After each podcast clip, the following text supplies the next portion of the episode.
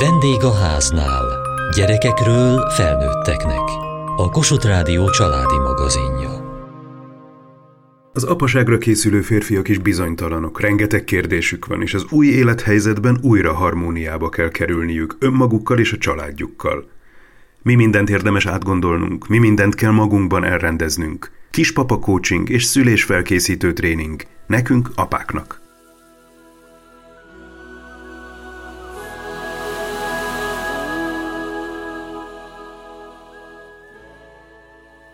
Nem is én, hanem a feleségem döntött úgy, hogy szüksége volna egy kis munícióra ahhoz, hogy természetesen születhessen meg a harmadik gyerekünk. Fekete Dávid édesapa. Nekem sose volt egy gyerekem, egyből kettő lett, tehát ikreim születtek, és ott már tudni lehetett egész korán, hogy programozott császárral fognak születni, és hogy készítse magát a természetes szülésre, ezért azt mondta, hogy vegyünk részt ezen, én pedig nyitott voltam és támogató ebben, és utólag nagyon örülök, hogy belerángatott egy ilyesmibe. Szerintem a kifejezés sem ismerő sokak számára, hogy kispapa coaching. Fejlesztő módszer, az eredeti végzettségem tanár, tehát én az egyetemen tanultam a fejlődés lélektant, a pszichológiát és mindent, ami a gyerekekkel kapcsolódik. Vadas János kispapa coach, párkapcsolati tanácsadó. Én nagyon szerettem volna mindig is apuka lenni, és amikor megszületett az első gyermekem, én abban reménykedtem, hogy engem majd apatársak fognak körülvenni, és a baráti társaságban mindenhol gyerekek lesznek, és volt egy ilyen romantikus elképzelésem.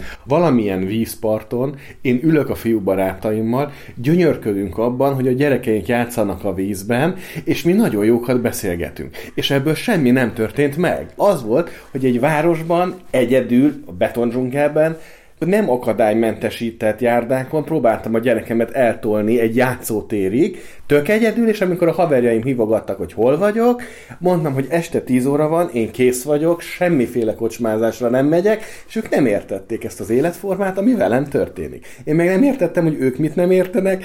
Egy nagy tanítás volt az élettől, hogy a tolerancia az még jobban tágítható, az empátia még jobban tágítható, hogy ők nem abban vannak, amiben én, és én sem abban vagyok már, amiben ők, és ez teljesen rendben tud lenni, másképp fogunk ezen túl kapcsolódni.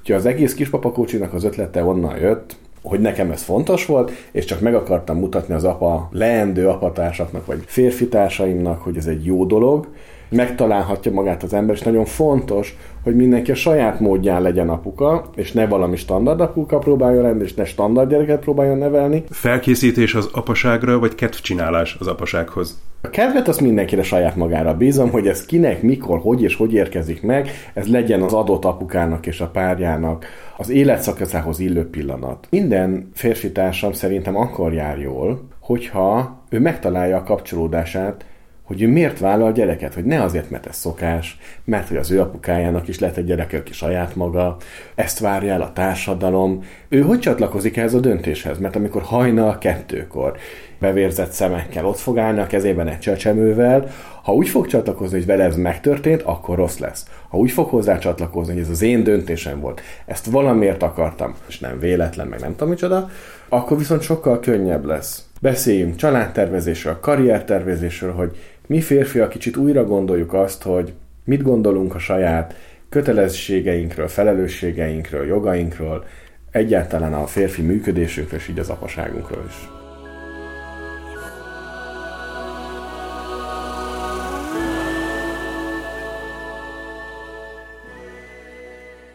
Hogy kell elképzelni, mi történt? Volt egy köszöntő ráhangolódás, és utána pedig az adott tematikának megfelelően hangzottak el, vagy a bábától, vagy a kispapakócstól a tréningek. Tanítás volt? Ha nem is a tanítás a legmegfelelőbb szó, látószögünket tágították, olyan aspektusokból is megvizsgálhattuk ezt az egész gyermekvállalást, amire adott esetben sose gondoltunk volna. Tud erre példát mondani? Hát nekem a legmegdöbbentőbb például a financiális dolgok voltak. Nem is gondoltam volna, hogy erre vonatkozólag vannak kutatások, például, hogy már a várandóságtól számítva 18 éves koráig mennyibe kerül egy gyerek. Hát az már nem is a szülésre készülés, hanem az életre készülés. Aki gyermeket vállal és próbál tudatosan gyermeket vállalni, annak azért jó, hogyha megvizsgálja tényleg ezeket a szempontokat, és hát ugye nem csak a szülés maga, hanem aztán azt a gyereket pelenkázni kell, letetni kell, altatni kell. Én például nagyon szerettem azokat a részeket, hogy nem feltétlenül a jelenleg elfogadott rendszerek azok, amik a legjobban működnek. Nagyon sokat dolgozom párokkal, online is, meg személyesen is. Vannak olyan párok, akik már azért jönnek, mert még nem született meg a gyerek, nem tudják, hogy vegyék be ezt a kanyart, valamelyik fél jobban szeretné, szeretnének fölkészülni, vagy már volt egy elvesztett kisbaba, amit kettőn szeretnének földolgozni, vagy egy olyan orvosi úton mennek végig, ami lelkileg nehéz, és akkor az apuka hogy találja ebbe meg magát. Nagyon sokan vannak, akik hát nyilván a baba érkezése után, amikor ugye az úgynevezett normatív krízis bekövetkezik, amikor minden kapaszkodó eltűnik, amiben az ember valaha kapaszkodott, hogy megtartsa magát, és akkor azt hiszik, hogy rossz a párkapcsolat, de nem rossz a párkapcsolat csak annyi történt, hogy nincsenek meg ezek a kapaszkodók. Sok olyan pár jön, ahol az apuka akarja, hogy jöjjön. Nem mindig az anyuka rángatja el. Mondjuk egyszer érkezik a gyerek meg a karrierben egy olyan változás, törés, ahol a kettő sok. Svájci frank hitelből agglomerációba kétszintes ház, német prémium gépjármű minden hitelre, akkor az történik, hogy hirtelen apukának két munkahelye lesz, és heti hét napból nyolcat dolgozik, és akkor pont attól kimili meg magát, amiért az egészet csinálta. És én még nem láttam sose kisbabát, aki követelte volna, hogy neki mondjuk egy 40 négyzetméteres gyerekszoba kéne. Ki kérte, hogy ilyen terheket a nyakunkba vegyünk? A gyereknek két dologra van szüksége, az apukájára, meg az anyukájára, és kész. És hogyha ők ketten rendben vannak, magukkal és egymással, akkor ez menni fog ez a dolog. A többi, az csak kellék.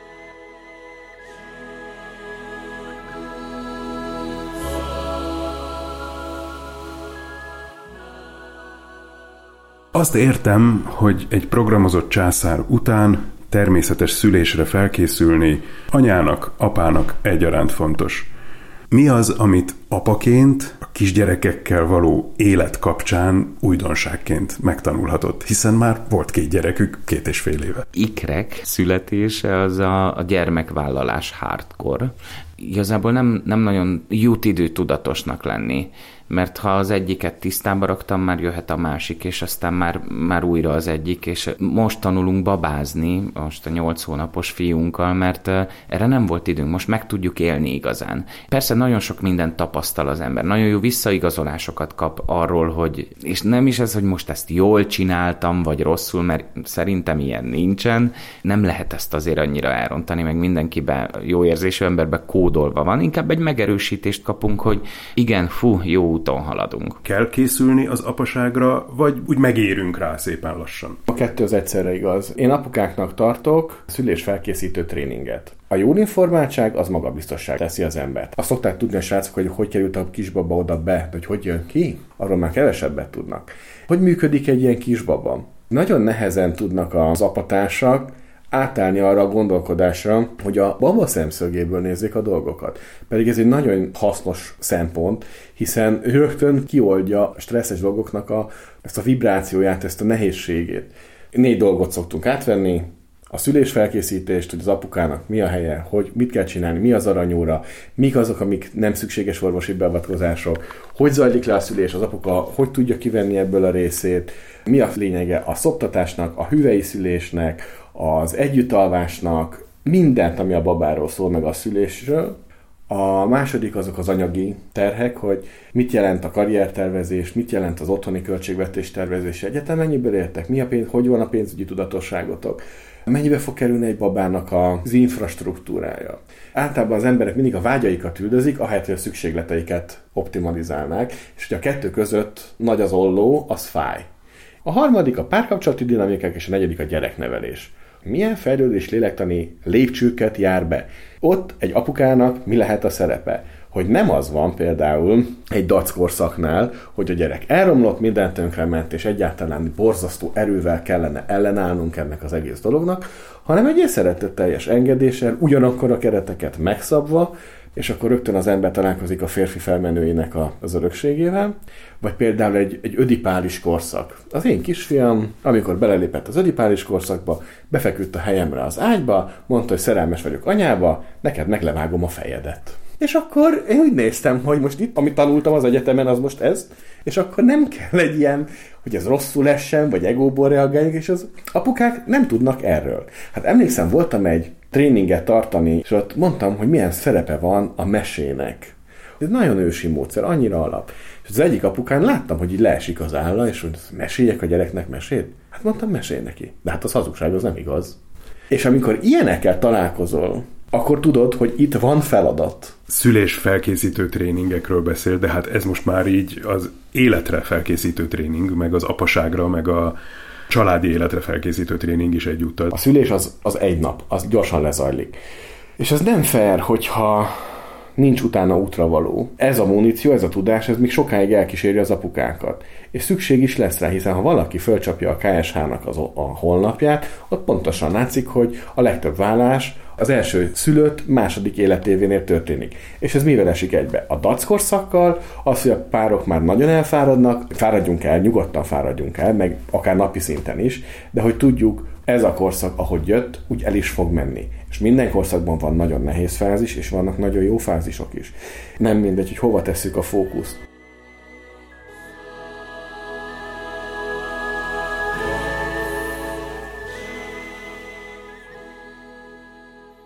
Mi van azokkal, akik nem jutnak el odáig, hogy nekik egyáltalán dolguk lenne ezzel az élethelyzettel? Előbb-utóbb megkerülhetetlen, hogy az ember ránézzen a saját működésére. A tagadás az egészen addig nagyon hasznos módszer, ameddig már nem tud az lenni. Olyan nincs, hogy reflektálatlanul marad, mert akkor olyan élethelyzetekkel fog találkozni az ember, ami ismétlődik, nem megugorható és ugyanolyan nehéz. És aki ezeket a jeleket nem olvassa, az rosszul fogja magát érezni a bőrébe. És akkor lehet hibásokat keresni, hogy ki a hibás, csak az nagyon furcsa, amikor rajtam kívül mindenki más hibás, és én meg nem. Apatársaim, nézzük már meg, hogy rólunk hogy szól ez a dolog. Az apaság az nem egy társadalmi funkció, van az a része is. Vagy te, mint apa, és van a gyereked, és köztetek jó lenne, ha lenne valami. Te ebbe hogy találod meg magad? Mitől érzed magadban jól? Mielőtt megszülettek a gyerekeid, mi volt a hobbid? Mit szerettél? Miben volt tehetséged? Miben volt tudásod? Hol van az az értékes ember, aki te vagy? Az az egyszer és megismételhetetlen ember ebben a világban, amit, és az a jó, amit te tudsz beleadni. Azt miért ne tudnád beleadni az apaságodban, meg a, a gyereknevelésbe? Biciklizni szerettél, pakold fel azt a gyereket a biciklidre, húzzatok el környező hegyekbe. Nem lesz ugyanolyan élmény, mint régen volt, az biztos, de be tudod legalább vezetni a gyerekedet abba, hogy hogy ez jó dolog, vagy ha gitározni szeretnél, vagy beszélsz valamilyen nyelvet, vagy szeretsz valamilyen sportot. Ez olyan szép, nem? Amikor az ember így valamit így áthagyományoz, vagy faragjatok együtt akkor sípot, vagy menjetek el sátrazni az erdőbe. Tehát, hogy bármi, amiben te magad, mint felnőtt férfi és apa jól érzed magad, azt nyugodtan meg lehet a gyerekkel csinálni, neki az úgyis nagy élmény lesz, ott úgyis lesznek helyzetek, amiben próbára teszi magát, és nagyon fontos, hogy gyerekek találkozzanak próbákkal. A próbákat általában az apukák hozzák be a családi dinamikába. Saját jogon valamit el tudtam érni. Van helyem a világban, az én létezésem az fontos, indokolt. Az apuka, ugye Rasburg is mondta, a küszöb a külvilág és a belvilág között. Én valahogy itt tekintek az apai minőségre, mint kísérőre, aki segít megugrani ezeket a fejlődési pontokat, ő állott a próbatétele kapujában, és jó esetben ezek a próbák a gyermek életkorának és szellemi érettségének megfelelőek, tehát hogy meg is fogja tudni ugrani, és ez milyen jó élmény lesz. A gyereknek siker, hogy ezt én csináltam, az apának pedig büszkeség, hogy hát tényleg sikerült. Meg kell erőszakolnom magam, hogy olyasmiket is csináljak, amit én magamtól sose csináltam, meg nem is csinálnék. Nem vagyok egy barkácsolós típus kell-e vele barkácsolnom, hogy barkácsolva legyen? Az önazonos működés az az őszinte működés, az a hiteles. A gyerekeknek nagyon jó csápjaik vannak arra, hogy megkülönböztessék, hogy mi az, amit az ember őszintén csinál, és mi az, amit nem. Ott rögtön fogják is jelezni, itt valami nincs rendben. Ne, ne csináljunk, ha te valaki nem barkácsolós, akkor ne barkácsolja. Meg, megvágja a saját ujját, meg a gyerek is a saját, az együtt ülhetnek a helypákórházban. Olyat csinálja, amivel ő is jól érzi magát. Nincsen standard férfi szerep, vagy mindenki találja meg a saját legjobb működését.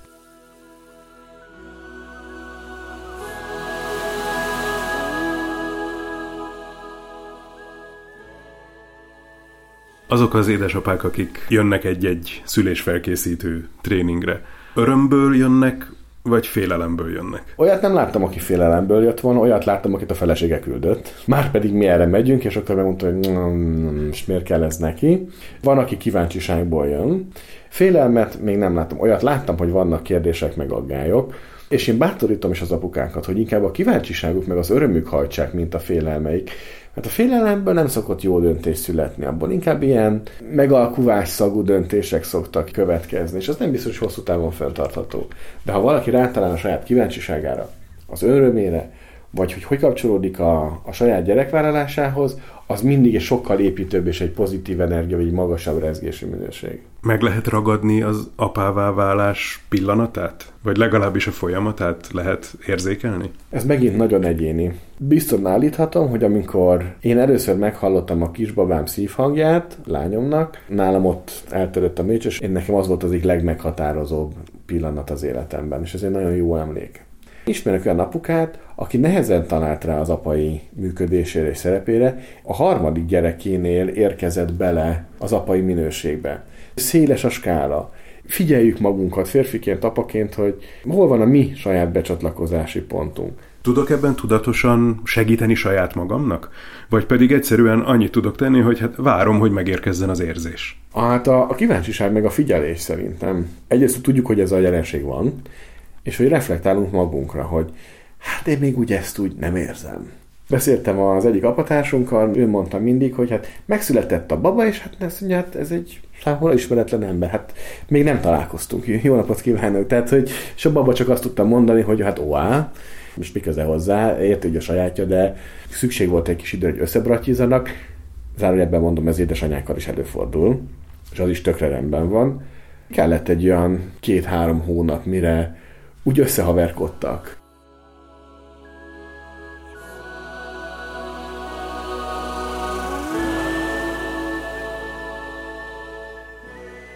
Mi az, amit most másképpen csinál, mint az ikreknél csinált? Hát nem vásárolok össze mindent, amit megpróbálnak eladni nekem. Fekete Dávid édesapa. Eleve lazák voltunk az ikrek kapcsán, sok mindent megtapasztaltunk, hogy nem baj az, hogyha nem teljesen steril minden, és nem visszük el, hogyha utazunk a légzés figyelőt, hanem pont elég, hogyha odafekszik az édesanyja mellé a gyermek. Változásnak éltem meg azt, hogy tudatosabban hozzáállni a gyermekvállaláshoz. Szerintem ez felelősségünk és egy nagyon fontos feladatunk is. Érdekes, hogy a születésre, meg a szülésre való felkészülés az az egész gyerekhez való hozzáállásunknak a tudatosítását is jelenti ezek szerint. Én azt gondolom, hogy igen, vagy legalábbis ezt gondolnám alapvetésnek, hogy hogy bizony csináljuk jól, ha már elkezdtük. Milyen változás látszik azokon az édesapákon, akik megérkeznek egy ilyen folyamat elején, mi történik velük a végére? A magabiztosság az önmagukkal való béke, belső erő, a saját megéléseiknek, a tapasztalataiknak, a saját komfortzónáknak a túllépéséből és az abból fakadó sikerből való nyugodt erő, az érzékelhető, ahogy beszélnek, ahogy jelen vannak. Nem ez az ideges, feszült rángás, a megéréseik megerősítik őket, hiszen ez is egy próbatétel. A férfi minőség valahogy ezzel a próbával függ össze, hogy mindig egy kicsit megmérni magunkat, és megnézni, hogy tudunk egy szinten feljebb lépni. És ez egy szép dolog szerintem, hogyha ezt magunkon is lepróbáljuk, és utána viszont a gyerekeinknek is megkínáljuk őket ezekkel a lehetőségekkel, nem zsarnokságból, elvárásból, erőszakból követ, nem tudom miből, hanem abból a nemesítő szándékból és kísérési attitűddel, hogy hát lám-lám ez az élet, és gyertek velünk, és én kívánom neked, hogy te is át tud lépni a saját határaidat. Honnan tudom, hogy én megérkeztem a saját apaságomba? Ez egy nagyon jó kérdés, nem tudom. Mindenkinél változó. Lehetnek érzések, lehetnek helyzetek. Azt mondta az egyik apuka, hogy én annyira jó érzéssel tudom gyűlölni a saját gyerekemet, és hogy megérte azt, hogy így egymásnak látszólag, vagy nem látszólag, hanem logikailag is ellentmondó dolgok egyszerre tudnak igazak lenni. Nagyon szereti, de nagyon tudja utálni is. És hogy úgy látszik ez az apaság. Ő így fogalmazta meg.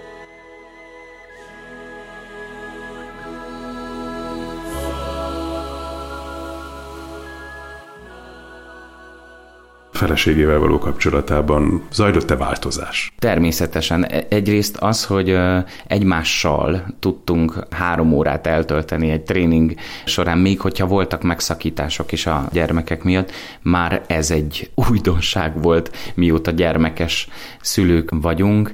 A másik, ami nagyon érezhető, nem csak érzékiségben, de testiségben is sok falat le tudtunk dönteni egymás közt, és sokkal közelebb kerültünk egy ilyen tréning alkalmával egymáshoz. Nem csak szülők, de férj és feleség vagyunk, időt kell szagítanunk egymásnak, ez adja az alapját mindennek, amik majdan lesznek a gyermekeink. Értem, hogy az apaság van a fókuszban, de azért ez valószínűleg olyan, mint egy pókháló. Megrángatjuk az apaság fonalát, de abba belerezeg az egész párkapcsolat, talán a múlt is, talán a jövő is, szóval ez egy komplex rendszer. Én szoktam beszélgetni fiatal párokkal arról, hogy mi van, hogyha úgy nézzünk a házasságkötésre, mint egy ilyen önreflektív pillanatra, amikor végig gondolhatjuk, hogy mi az a szakasz, amit eddig bejártunk, és ebben a szakaszban, amíg ez értük ezt a fiatal felnőttek felszabadult értet, amiért hálásak vagyunk, aminek örülünk, ami jó volt, és most ugye a házasságra eljött az a pillanat, amikor ettől viszont elbúcsúzunk. Vadas János kispapa kócs, párkapcsolati tanácsadó. És itt történik egy pöti mort, egy kis halál,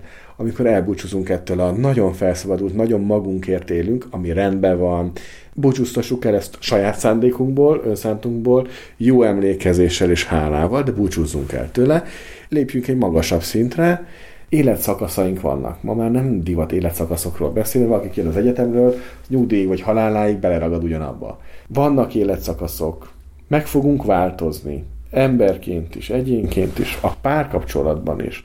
Egymásnak leszünk a motorjai, húzzuk, vonjuk egymást. Más dolgok fognak történni velünk, és nem kell előre megígérni 40-50 évre, hogy, hogy most abban az egy státuszban és az időpillanatban lévő énem fog kitartani a végeig. Frászt. De arra lehet reflektálni, hogy, hogy honnan jöttünk, mik a szándékaink, és mi az a legjobb dolog, amit bele tudunk rakni a közös együttműködésünkbe.